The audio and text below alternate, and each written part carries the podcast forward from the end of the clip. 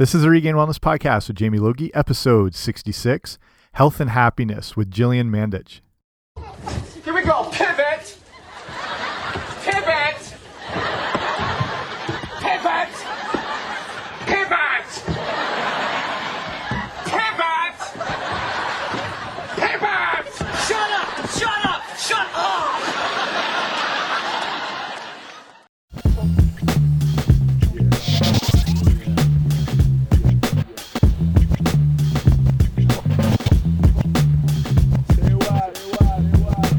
Guys, what's happening? Welcome back to the podcast. I'm Jamie Logie, I run regainedwellness.com, and this is the Regained Wellness Podcast. They go they go hand in hand together. So thanks for stopping by and checking out the 66th episode of this podcast. Number 66, Mario Lemieux. To me, pound for pound, the best hockey player of all time. I, I'm a Wayne Gretzky fan till I die, but Mario Lemieux was just phenomenal and his career was really cut short due to injuries and illness. So there's no telling what the guy was able to potentially accomplish if he had played the full career that most other people have and you know he'd racked up 200 points. And this is not a hockey podcast but number 66 Mario Lemieux we love you. Today's episode is with a fellow Londoner. I'm from London Ontario Canada which was, is nicknamed the Forest City and there's a lot of interesting people that have come out of this town everyone just assumes Canada's all hockey based and whatnot. But London, Ontario is very interesting. It's halfway in between Detroit and Toronto, right in between the two Great Lakes, like Huron and Lake Erie. And a lot of notable people are from here, not just athletes. As far as, you know, say hockey players, like we're talking about, there's players, you know, famous players like Eric Lindros and uh, Corey Perry. There's Drew Doughty. There's uh, Jeff Carter, Logan Couture, Nazem Kadri. There's a ton of hockey players. But interestingly, a lot of people kind of know London because Justin Bieber was born here and then grew up in a town not far by called Stratford. Also, famous people. You've got Rachel McAdams was actually born here. Same thing with Ryan Gosling was born here. And if you've ever sung Auld Lang Syne at New Year's, Guy Lombardo, who made that song famous, is from London, Ontario. Same with Paul Haggis, who wrote uh, Million Dollar Baby and Crash, and a lot of interesting people. So I've been in and out of London for quite a while. Like I spent a long time traveling, and I've been all over the place. And like I mentioned with my guest state Gillian Mandich when I got back, I'm seeing her everywhere here in our city. She does all sorts of events and conferences. She has her own podcast and radio show, and she has her own health TV show and she's just really exploded in things media wise as far as having um, you know a presence and a you know real personality and a real persona that people gravitate to and it just kind of shines off her. And she's also got an amazing academic background that backs up all the stuff she talks about. So when she's you know talking about different obesity issues and the health happiness connection we talk about today it's all from research. She's right there in the trenches doing the actual you know data research and finding the conclusions and the results and everything like that. Here just to give you a whole idea here here's her full background because she does a lot. She's currently completing her doctoral studies at western university. My old stomping grounds were both western mustangs. She's doing that in health and rehabilitation science her research examines health promotion, specifically happiness, physical activity, childhood obesity, nutrition, and diabetes. So she's host and community producer of the TV show Gillian Mandich Cooking Adventures, one of two co hosts of the, the popular health fitness podcast and TV show The Holistic Health Diary. She's a certified yoga and yoga tune up teacher, two time Iron Girl. She serves as reviewer and sits on the advisory board at examine.com.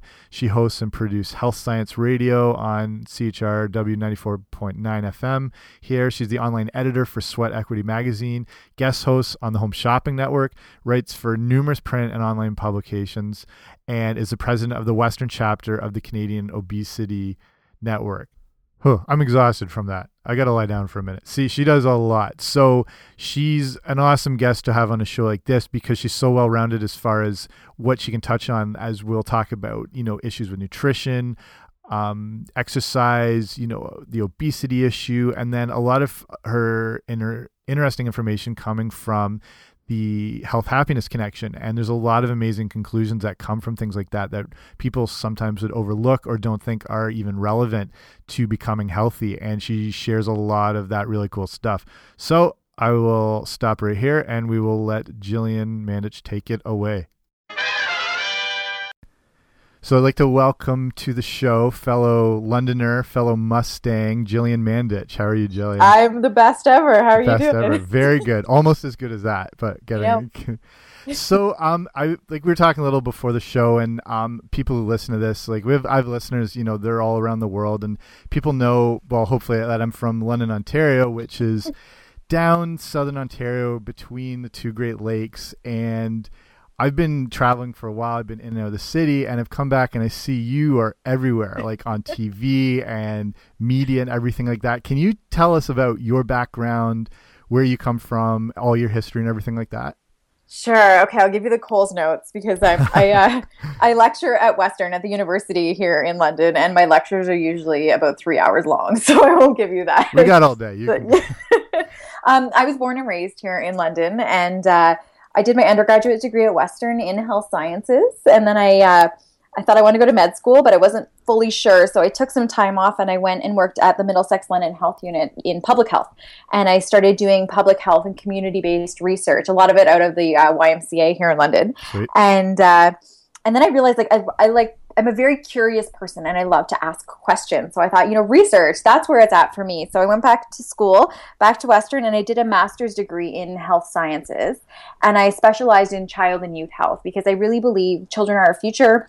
Children are where it's at. That's really where a lot of resources um, should be focused. So I was looking at uh, physical activity and sedentary behaviors in children, and especially at risk children. So children with overweight or obesity, children that were getting diagnosed with type 2 diabetes, uh, new immigrant families, and their children. And uh, that was really fun. And then from there, I stayed at Western and uh, I'm just finishing up my PhD there now. I'm in my last year, so the home stretch. Awesome. In um, in health sciences again, and my area of specialization is health promotion. So I've kept with um, I've done a lot of obesity and diabetes work as well. Um, I coordinated pre-diabetes study at Brescia, which is the affiliated college at Western where the foods and nutrition department is. So I worked in that department doing that and uh, my dissertation is looking at happiness and health so it's really fun because turns out that when you learn happiness which is in fact a teachable skill you can basically it, it has such a positive impact on so many other parts of your life as well. So that's kind of my educational background. In terms of fitness and nutrition i I grew up a competitive athlete. I was a competitive downhill skier, Nice. um, which is hard to believe because here in London we just have the one little ski hill. we have a we have a bump. It's the Byron the bump. Byron yeah. but if you go up north a couple hours, there's some decent hills. So I was a competitive skier, played basketball and soccer as well. Um, I've always been into fitness. I've always loved moving my body. I I love the energy that I get from that. So my whole life, I, I've never lost that, and I, to this day, I haven't. And you know, my fitness has evolved from competitive sports to I did fitness competitions for a while, and um, I taught. I did a yoga cert, a couple yoga certifications at this point. So I love yoga. I kick. I teach yoga here in London at a UFC and MMA gym, Okay. Adrenaline. Yeah. So I teach yoga in this cool environment where we have like heavy bags in a cage, and uh, I kickbox sometimes there. My my fitness now is kind of all over the place, but I, I move my body every day in different ways. So uh, yeah, that's kind of me in a nutshell, I guess. Awesome. when, when I was a kid, it was the University of Western Ontario. That's now right. it's Western University. That's right. They rebranded, but Yeah. your diplomas still say the University of Western. Yeah, but we're, we're still Mustangs either Mhm. way. Purple pride. Purple pride. So I'm I'm interested with the, the obviously you know everyone's aware of the obesity issue and we're becoming more and more aware of it with children and we're seeing you know there's a talk of you know this is the first generation that might not outlive their parents all that sort of thing. Where what do you what do you see as ways to kind of um, get on top of this and kind of stop this like snowball effect that's happening Mm, great question. Great question. It's it's absolutely true. Right now, the generation of kids is going to be the first one in history to um, to have their parents outlive them, Which is horrifying, which is you know, staggering, yeah. right? To think about that, it's just it's heartbreaking. yeah yeah And um, if you look in terms of like the prevalence, about a third of Canadian children are overweight or obese, and that's pretty much on par with the states as well. Yeah. Um, you know, the stats can go a little bit either way, but generally we're looking at about a third. And the scary part about that is when you're a child, it's such it's this window of opportunity where you have to really teach kids skills to set them up for a healthy life. Yeah. And so, especially for me, from a health promotion lens, the way I, I look at that is, you know, as a window of opportunity. So when you look at kids, and especially with kids, you want to, my research with childhood obesity looks at parent and family focused approaches because when you're a child, you don't have control over the groceries that you buy. True, you don't have true. control over what you're doing after school to some, you know, the sports you play or don't play, how much TV you watch, how much time you're spending in front of screens. So when you can look at the whole family unit, it's really cool too because oftentimes, you know, children look up to their parents and their parents model the behavior that you see in the children. I mean, Yeah. you see it all the time, right? When when you meet the parents and the children and they have the same mannerisms or they act the same way, they speak the same way. Children are such sponges. Yeah. And it's it's such a, a cool place where we can really educate children to help them grow up to be the healthiest version of themselves that they can. And whenever I speak to children, especially when I'm doing research and stuff like that, we never talk about obesity or their weight. We talk about growing up for a healthy future because uh, the mental health component is absolutely really, really big, and especially with kids these days, with the the rising incidence of bullying and cyberbullying and all these sort of things. There's that mental health component that really comes into play as well, and and the other thing is to remember is just because you're overweight or obese doesn't necessarily mean that you're unhealthy. And just because you aren't overweight or obese doesn't necessarily mean that you are. The way that the um, obesity is primarily classified is what's called your BMI, your body mass index, and all that takes into account is your height and your weight. Yeah. So when we look at health from a broader perspective and how we feel, how much energy we have, things like that, everybody can really benefit from all the all of the you know the positive health promoting messages that are in an obesity program or for anyone you know things like getting really healthy food in your body every day moving your body getting proper sleep decreasing your stress all those sort of things they're really messages for everybody regardless of how much you weigh or how tall you are you know Yeah, yeah. Mm-hmm. So actually, I guess transitioning into nutrition first. Um, what is nutrition? What role does that play in your life? What is that looking like Mm-hmm. right now? Oh, great question.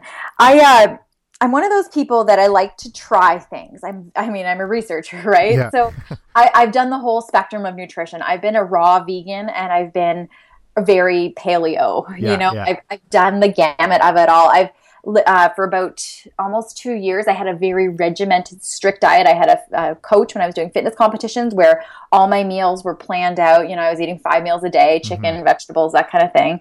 Um, I've I've gone to sort of all the extremes except for maybe like the standard American diet. I haven't really tried that.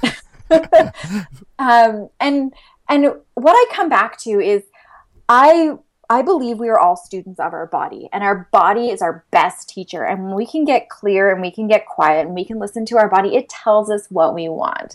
And I eat now a very, um, very relaxed food. I use it as a way to enhance my life, not to run my life.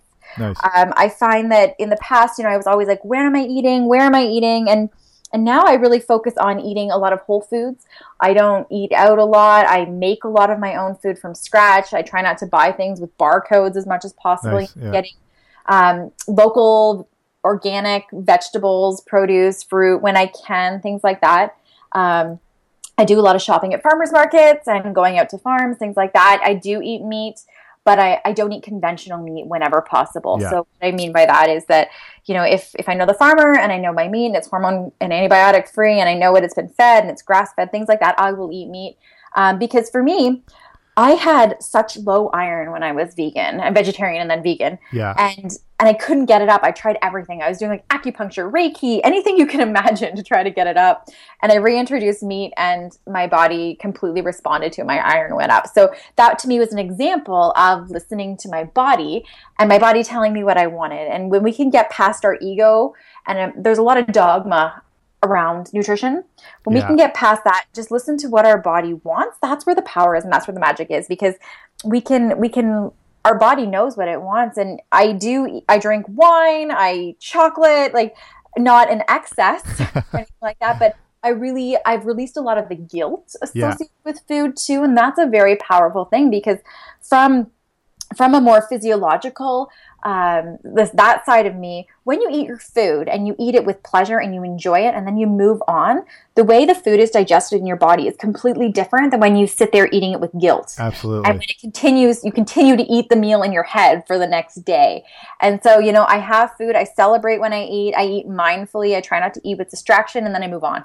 Yeah. And that's been a really powerful shift for me. And and you know, for someone that used to be really strict with their diet because of like body composition and wanting to maintain a certain body composition, when I let go of all of that, my body composition hasn't really changed. yeah. Yeah. I just have less stress and I feel better. And you yeah. know, this this has come up lately. I've talked with a few different guests on this sort of topic, and I, I wrote a blog on this as well. Just that idea of that, um, losing sort of track of the whole point of your health, where people are so, um, yeah, like you said, the nutrition dogma, or like they're so fixated on something, like to make sure if it's actually paleo or not, or where it's coming from, to the fa- like that they kind of alter their bodies as far as like stress hormone levels, Yeah, trying to be healthy, and I was like you're almost taking two steps back in this whole pursuit of health. You know what I mean? Like eat obviously eat smart, eat whole foods, real foods and everything like that. But like the, the people that are a slave to it, I, I find like they're not really achieving true wellness. You know what I mean? Like Yeah, absolutely. Food is something to be celebrated, and you know, to it's there to enhance our life. It's not just there to get us through the day. yeah. Like um, I read John Berardi wrote a really good blog post one from Precision, Precision, Nutrition about how did you read the one about uh, food is food is not fuel because your body's not a Ferrari. you're not a Ferrari, yeah. and I love that because it's so true. And and if you look like historically, like people came together and they celebrated over food, and that's to me what it's intended to be. It's it's there to enhance your life. But when you spend your days worrying about what you're eating, like I'd rather take that time and meditate or Yeah, exa- use yeah. it for some other way that is you know enhancing my life in some sort of capacity. Yeah, I'll, I'm going to link that article up in the show Yeah. notes. I, I share like everything from Precision Nutrition all the time. That was a really, Yeah. really good one too. He's a Mustang too. Yeah, that's right. Yeah. Jeez. See, London, Ontario is not just about Justin Bieber. For everyone That's right. listening, there's, there's better stuff coming out of here. For, take that for whatever it's worth. But, um, so nutrition wise, then, if you okay, someone's coming to you, they've just had like Taco Bell for breakfast. Where do you start with someone who's like a newbie to Mm-hmm. health and nutrition? Where do you kind of recommend to get them on the right track? Oh, that's a great question. And we all are on a journey. And that's the first thing to, to acknowledge is that you don't arrive at good nutrition. That's not a thing. Yeah. Um, every day we eat food, every day is diff- it's different, right? So I always, when I, especially like, um, I find that a lot of people, when they're new, uh, there's a tendency to compare themselves to someone that's been on this journey for Yeah, longer good or for a lot longer. And that anytime you start to compare yourself, you're setting yourself up for for feelings of inadequacy, for feeling depressed, for feeling like you know anxiety, stress. And so I always encourage people to honor where they are right now and to celebrate the fact that they're interested in making steps towards improving their nutrition. And Nice. that in and of itself is something really really amazing because you know, Tony Robbins always talks about how we have to celebrate the small things all along the way, and I couldn't agree with him more. And so, even celebrating wanting to start is huge. Yeah. And, you know, I always talk about it's not something that happens overnight. You start with small steps, and those small steps build over time, and that's the key. Uh, you know, it's not these crash diets, these detoxes, whatever. That might, you know, if you need a mental reset and that's what you need, go for it. But if you want to look at the research and what is suggestive of long term um, success in terms of diet and nutrition, what you want to focus on is these small lifestyle changes and lifestyle changes that you can actually stick to. There was actually a really cool um, study that was done recently, and they basically compared every single diet paleo and um, vegan and you know the Mediterranean, Mediterranean, yeah. diet, all these sort of diets, and they found that across the diets, the only thing that mattered, the only thing that saw success, it wasn't how much fat they were eating versus carbs. It wasn't if they were having meat or if they weren't. The thing that mattered was adher- adherence. Yes. Yeah. So, whatever diet feels right for you, if you can stick to it, that's awesome. So, I always encourage people to really, when they're taking a first step, to let go of a lot of that sort of projecting themselves forward, be in the moment, take one small step, and then those steps grow over time, you know? So Yeah. if if you're someone that eats white wonder bread, switch to brown bread, then switch to sprouted bread, then switch to, you know, like y- you take steps along the way to continually start to change things in your life. But if it's like a small lifestyle thing, that's my biggest Yeah. for people That's that are starting. that's what I stress that idea of like progress and not perfection Mhm. because Yes. you're not going to achieve perfection. You know, I Yeah. like the, the days where I eat well, it's like it looks like the best diet in the world, but I'm honest, it's never going to stay that all the time. You know, it's going to vary up and down, and people you, you're going to slip up. But as long as you're making that like positive step forward, and I, I like that idea that just that like the mindset that you are wanting to make the healthy decisions. That's like half the battle right there. huge huge and you know set yourself up for success so have healthy food around you and surround yourself with people that eat healthy food and go to places where there's healthy food and that's what you will eat when you you know Yeah. like set yourself up that way. You know there's there's yes the piece of what to eat but also who you're around and the environment and that sort of stuff that matters too you know? And uh, i love like if i go out for dinner with some of my friends they're like oh can you tell me what farm this meat came from? You know they they are like-minded Yeah.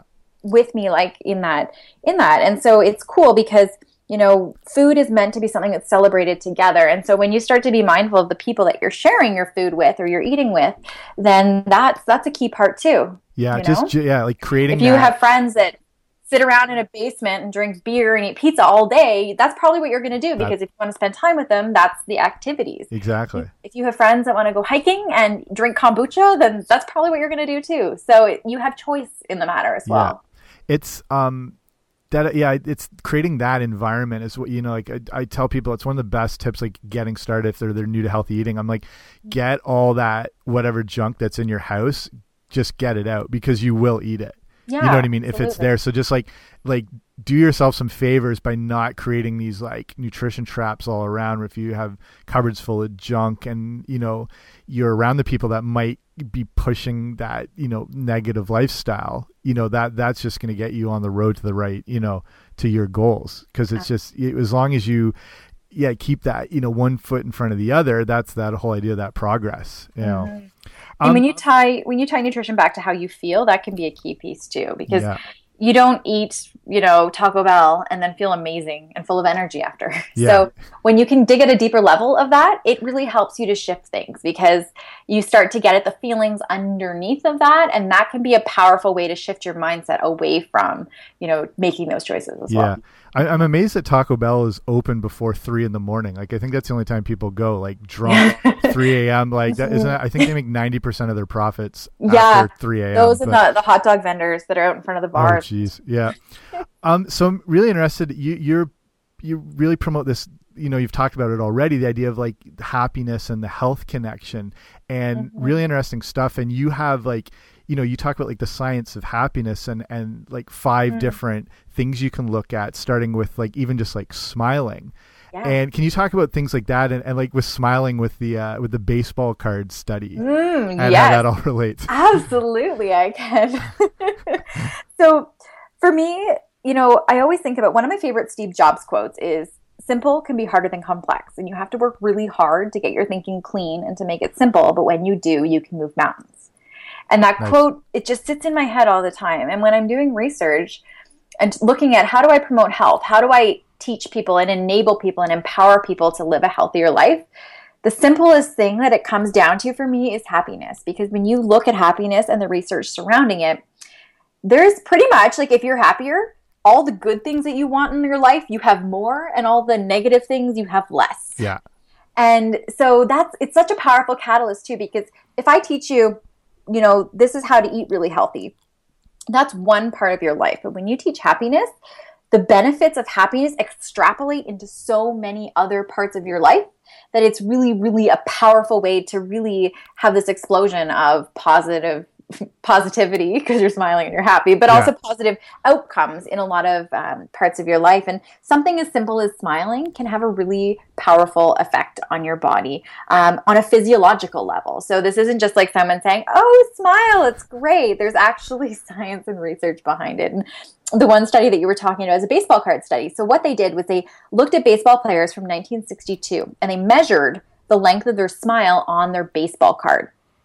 And then they followed up with the baseball players to see how long they lived. And the players that had the biggest smiles lived the longest, and they lived just under 80 years. The players that had the smallest smiles or weren't smiling, they lived significantly less time. They lived just under 73 years.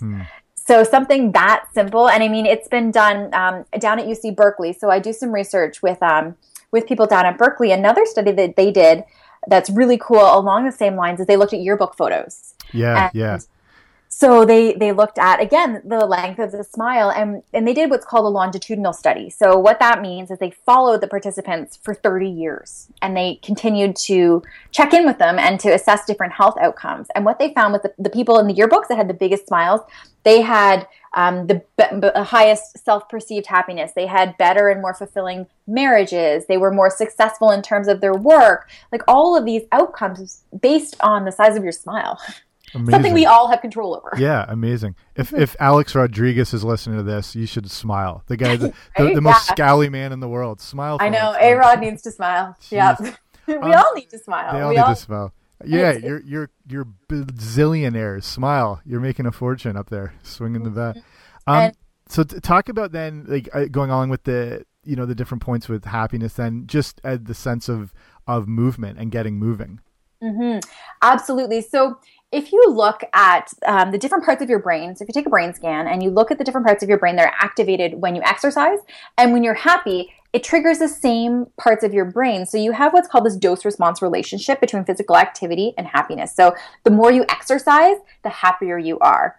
And I mean, a lot of people I'm sure that are listening right now have felt those endorphins, right? They're, they're your feel good hormones. So when you go for a long run or you have a really great workout and you feel amazing after you have this rush of hormones that are going through your body that create this positive physiological response and feeling within your body. But even something as simple as going for a walk, anything to get your body moving, mm-hmm. starts to get your blood flowing, starts to change the chemistry of your body, and has a positive impact on your health and on your happiness. So it, it's really cool to think that, yeah, I'm exercising because, you know, I want to, it's good for my heart. A lot of people know that, right? For your cardiovascular system, but it also is good for your overall health and for your happiness.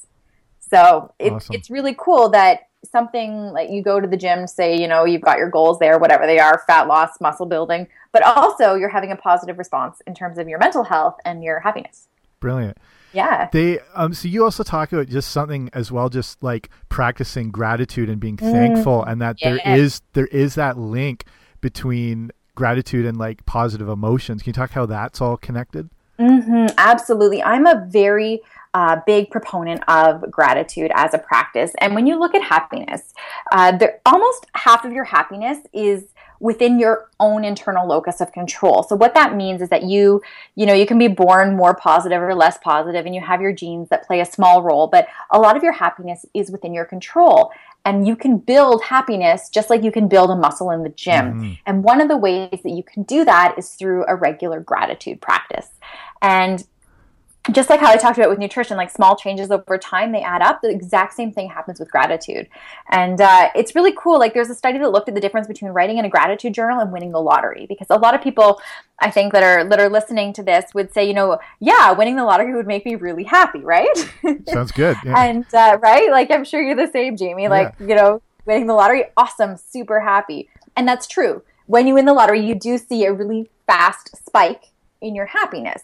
However, there's this thing called hedonic adaptation. And what that means is that we have this tendency as humans to, after a really positive, or it can work in reverse, a really negative response, we're, we're, we have this tendency to very quickly return to a relatively stable uh, happiness. So you, if you were to draw it in a bar graph, you see this really sh- high line that shoots up really fast and then it goes back down.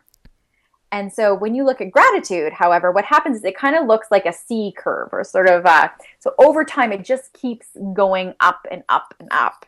So if you were to follow up with someone that won the lottery and someone that started a gratitude practice, six months down the line, the person that has a regular gratitude practice would overall be happier than someone that won the lottery. Wow. Because gratitude it continues to build and continues to grow and you don't see that same adaptation that you would with something like a really um, a positive quick life uh, event like winning the lottery Wow.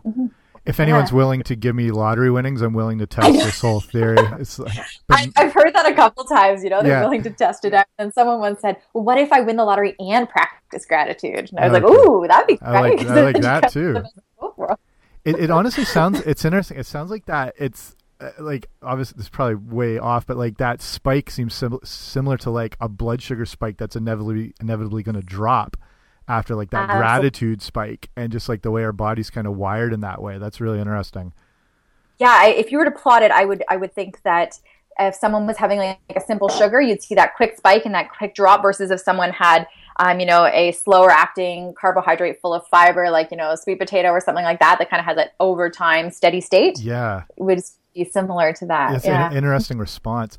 Um, this is another. This is a big one too, and everyone. I know everyone struggles with, with this as far as like holding on to grudges and and Mm-hmm. not putting the past behind them. Why is this really really key? Oh, great question. You've got really good questions, Jamie. Thank you so much. I think you know when we look at at sort of our life and the things like that, we tend to to not let go of the past sometimes, right? Like it's just kind of always there, and we live in our head and we replay things over and over and over again in our heads, Yeah. and that isn't the most um, healthy way to to to live our life. And what we do is when you practice forgiveness then it has tangible benefits for not only the person that you've forgiven, but also for yourself. So when you actually forgive someone, you th- see things like a reduction in depression and anger and stress. Wow. And and it's really cool because when you when you think about happiness, oftentimes we think about addition, right? Like things we can add to our life to Right, make right. us happier. So we we talked about the gratitude practice or smiling, things like that. But you can also think about subtraction. You know, it's basic math. So you can subtract these these negative things, letting go the things that you don't want in your life as well. And when you do that, that also increases your happiness. So it's kind of like both sides of the spectrum. And I think it's a really important thing to remember is that yes, we can do things and we can do activities and skills to build our happiness, but we can also just let go of the past. The past, you know, it's valuable because it, it's taught us what has brought us to this present moment. But when we continue to relive the past, it takes us away from the present moment. And also when you know it can have a negative impact on how we view the future as well. And you know the yoga part of me says things you know like being like aware and mindful of the present moment is really a powerful thing. And awareness in and of itself is such a such an important part of the whole picture whether it's happiness whether it's how we eat. When we start to be conscious of what we're doing no matter what it is in terms of fitness in terms of nutrition in terms of stress or sleep. That's where a lot of the power is. And i know for for myself in my life when you want to start to change a behavior the first thing you have to do is notice that behavior. Mm-hmm. Yeah. and so when you when you notice that you're holding on to things or you're holding grudges or you're not forgiving people it's a really it's an opportunity for you to subtract that from from your life and let go Yeah, I, f- I find all this fascinating, and then the fact that there is a lot, like there is research and studies behind Mm-hmm. these things that, like, we have our, in our own capability to do. You know what I mean? As far as like, Mm-hmm. you know, practicing gratitude and smiling and whatnot. And and one of the last things you you you- talk about is that has that connection with happiness and health is just the idea of, of doing good deeds and helping Yes. your your fellow fellow man. If you can uh, expand on that too. Yeah, absolutely. I'm I'm loving this sort of um I'm seeing it come up a lot more where people are like paying for other people's coffee in the drive-through Yeah, yeah. and things like that. And and when you do something nice for someone else, it's it's this really cool sort of positive feedback loop. And what I what I mean by that is that when you do something nice for someone else, then they feel good, but you also feel good. And then because you feel good, you're more likely to do more nice things for other people and then they feel good, so then you feel good. And it just continues this positive response. And and the cool thing is is that you don't actually you have it's nice to do nice things for other people, but when you witness someone else doing something nice for someone else, that also has a positive impact. Mhm. So it's really cool to think that not only, you know, if you're doing something nice, you're holding a door, something simple, like you're holding a door open for someone that's coming behind you that can't hold the door. And so you feel better because you've done something nice for them. They feel better because something nice has been done for them. But the person walking by who saw that, they're better too. And and I think that it's a really cool thing to remember because we don't live in these little bubbles. We live in a global community. Yeah. And and what we do impacts those around us. And and happiness, I think sometimes it gets a gets a bad rap or this misconception that someone that wants to focus on happiness is a very selfish person because they're so focused on themselves and feeling happy. When in fact, the research suggests it's, it's basically the exact opposite. When you're happy, you have a positive response that contributes to that uh, to a positive response in those around you. And there was a really cool study that came out of Harvard actually, and they basically found that your happiness extends three degrees of separation from you. So if you're happy, then the people that you meet and the people that they meet, it continue they're happy because of your state. So when you're thinking about, you know, working on your happiness, not only are you doing it for yourself, but you're also doing it for those around you. And and if you look at people that are that are happier, that have this a higher rate of say self-perceived happiness, they tend to be more altruistic. So they're more likely to give back to those in the community. They donate more money to charity. They tend to um, work better in groups, to be more collaborative, to perform better at work. So all of these things have a positive um, response when you start to be happy, which is super cool. So it isn't just this thing that you know we focus on ourselves. It's actually very much an external and uh, and a thing that has a positive impact in in the people that are around us as well. It's amazing, like that that Harvard study and the three degrees of it's like Yeah. a, it's like a web of you know I mean everyone's connected. Those those when- yeah those smart Harvard it- kids. yeah, it's it's so simple. Again, you know, coming back to that quote, it's simple. If you can be happy and then it has an effect on everyone around you, imagine if everyone in the world focused on that, what a shift we would have. yeah, Imagine if, you know, instead of people start talking about negative things in the news and what's bad and complaining about the weather in the elevator or whatever it is, imagine if we all started to shift into that state. What a positive effect it would have on ourselves, but also on everyone around us, right? And Absolutely. it's something simple that we can do and we can start to, you know, be the change that we want to see in the world, right? Yeah. you know, to really start to model that behavior, just like how I talked about parents modeling healthy behaviors for kids. We can model that behavior for everyone around us, and collectively, we can all sort of see that increase in happiness for everybody, which will um, translate into health and vitality and happiness, and it's just great. Amazing. So if any anyone who's listening this in their car and they're in line at Tim Hortons, you know what to do now. Buy that Yeah. coffee. Buy a buy, Buy that coffee. in front of you, behind you. Behind yeah. you, yeah. Or or Dunkin' Donuts if you're in the States. That's To- right. yeah, or Starbucks if you're anywhere. Or anywhere else on the planet, you know. So or go to a local coffee shop. even better. Yeah. Don't don't buy Starbucks. No one should be buying Starbucks. They don't need any money. Get them out of here. Go go local. So so, Yeah. so start winding down here. Where can people follow you as far as um what you're doing, social media, all that good stuff? Yeah, I live. I love social media.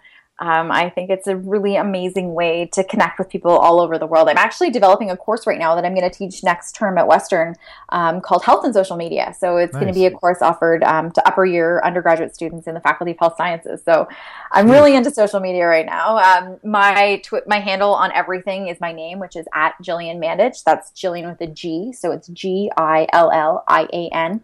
M A N D I C H. That's Twitter, Instagram.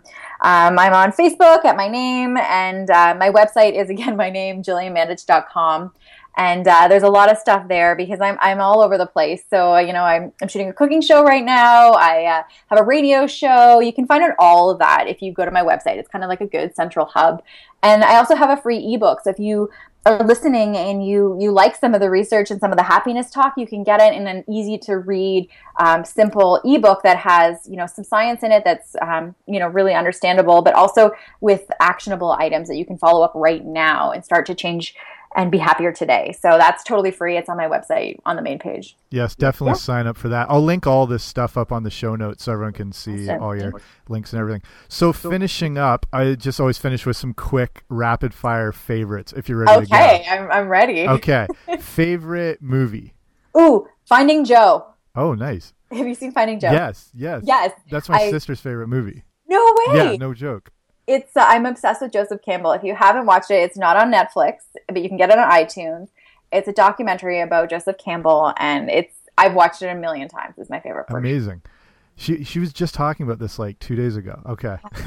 It's so good, so good. It's it's actually the only movie that I have on my iTunes. wow. Nice. So mhm, it's fabulous. Good endorsement right there. Yeah. So, Joseph Uh, Campbell always says, "Follow your bliss." That's one of my favorite quotes of his, and that's in the movie. So that's Nice. kind of one of my guiding principles in life. nice, nice. Favorite TV show Oh, okay. I don't watch TV, um, but I did before, or and favorite? I yeah, favorite in Friends. the past. Friends. Friends, Nice. yeah. I've like watched all ten seasons a bunch of times. So Sweet. mhm. Favorite um like music or artist right now? Ooh, okay. Uh, oh, I just saw Madonna. I'm a huge Oh, wow. Madonna fan, and I have been for years. And she is just amazing. I saw her in Toronto not that long ago, and she is a performer and just really gave it her all and was up there for hours. And she's amazing. So yeah, she's killing it, and she's in her what fifties now. Like I'm exhausted just watching. I know. I, and she danced her heart out for hours. It was Wow. amazing. Yeah, she's very talented and amazing to see live. It's a very much a performance and a show, and it was just fabulous. Awesome. We we love you, Madonna. If you're, Mm-hmm. um, I think I I'm not sure if she's still coming, but Janet Jackson's supposed to be playing She here in. London. That's right. I, am not sure Yeah. when that is, but just Yeah. on that that note. Um, okay, Masonville Mall or White Oaks Mall? Ooh, I, I don't really go to malls either. Okay, that's Um, but I would probably say Masonville because it's, closer to Western. So These are I was to go to specifically London questions, so from anyone else in the world, you just bear with me. It's my show; you have to deal with it. So, um, like two malls here in London. yeah, exactly. Okay, how about Grand Bend or Port Stanley? Ooh, ooh, good question. Port Stanley. Nice. Okay. Yeah. Favorite favorite book, either academic or non-academic, Ooh, that's a really or good top question. I'm top couple, if you have to. Okay. Okay. Um, uh, Return to Love, Marianne Williamson is amazing. Um, she is one of my biggest teachers, and you know she brings everything back to love always. And to me, that's something that I try to do in my life. Yeah. So, Return to Love is a phenomenal, phenomenal book. Um, oh my gosh, this is so hard for me to pick. I really love reading a lot. Um, I love the Anastasia books, the Ringing Cedar series. Uh, there's, I think, eight. Well, it's like 8.1 and 8.2, so nine books in total, and it's um, it's this amazing. It's translated from Russian, I believe, into English, and Yeah. it's a story of this um, girl that lives in the forest. But it's just there's so many great life lessons in it that I absolutely, um, I think, is a phenomenal, phenomenal book. And okay, let oh oh, Power of Intention by Wayne Dyer, hands What- down my What's favorite that book one? it's We- like if I look back on my life and reflect on what sort of the catalyst for a lot of the positive changes I've made in my life, Yeah. it's from the book. Um, and so it's Dr. Wayne Dyer, and it's called Power of Intention. He's written a bunch of books, but in particular, that book for me, I've read it a million times. I, I like there's a thousand post-its in it, and every page is highlighted. So yeah, Cool. I'll have to check that out. I'll, I'll link that one up too if people want to see more about that. yeah. Okay. Favorite London-born celebrity: Justin Bieber, Rachel McAdams, or Ryan Gosling? Ooh, I'm going. I'm going with the Biebs. Nice. He's got a song that's always in my head right now. Nice, a bold choice. Good. Okay, and last one: if you could only eat one food for the rest of your life, what would it be? Ooh, oh, this is so hard. I I I want to say avocado, but I'm gonna go cacao. Oh, nice. I like raw cacao, like Cacao, raw like- chocolate. It's super mineral rich. It's amazing, and it's like if you're gonna eat one thing, you might as well eat something and really enjoy it, right? Yeah, perfect. 2 two David Wolfe approved foods. That's there. right. So, yeah, Absolutely, they are. I love that. I uh, I actually planted a chocolate tree. And so, did you know that it takes five to seven years to grow a cacao pod that you get the chocolate from? I did not. You planted Yeah. that here? No, in Hawaii. Oh, okay. Mm, no, we. I don't think we can grow. We definitely can't grow cacao trees here. Um, but yeah, I'm like a big cacao fan. Awesome. awesome. Awesome. Okay. Thanks so much for doing this, Gillian. Really appreciate it. Thank you so much, Jamie, and thank you everyone for listening. This was really fun. Awesome. Thank you. Okay, how do you like them apples? That's some good stuff there. I want to thank Gillian again for stopping by. A, week ago, I was at a conference put on by the YMCA. It's um, they call it Fitness Jam here in London, and Gillian was the keynote speaker and was phenomenal. Um, you can listen to her all day. Like she has so much good information, and she's so energetic. Everyone just feeds off it. So it was awesome to see her. And thank you for listening to this. If you want to check out anything else about Gillian or whatever we talked about on the show notes, will be today at if you go to regainedwellness.com slash 066. Just remember Mary Lemieux. And so that website page will just have all the links to her if you want to follow her website, social media, all that good stuff, just in one convenient location. So I better wrap it up here. Thanks for spending the time here. I know there's a ton of podcasts out there, so just that you're taking the time to listen to this one really means a lot. So thank you. And remember your own health pursuits, like we talked about today.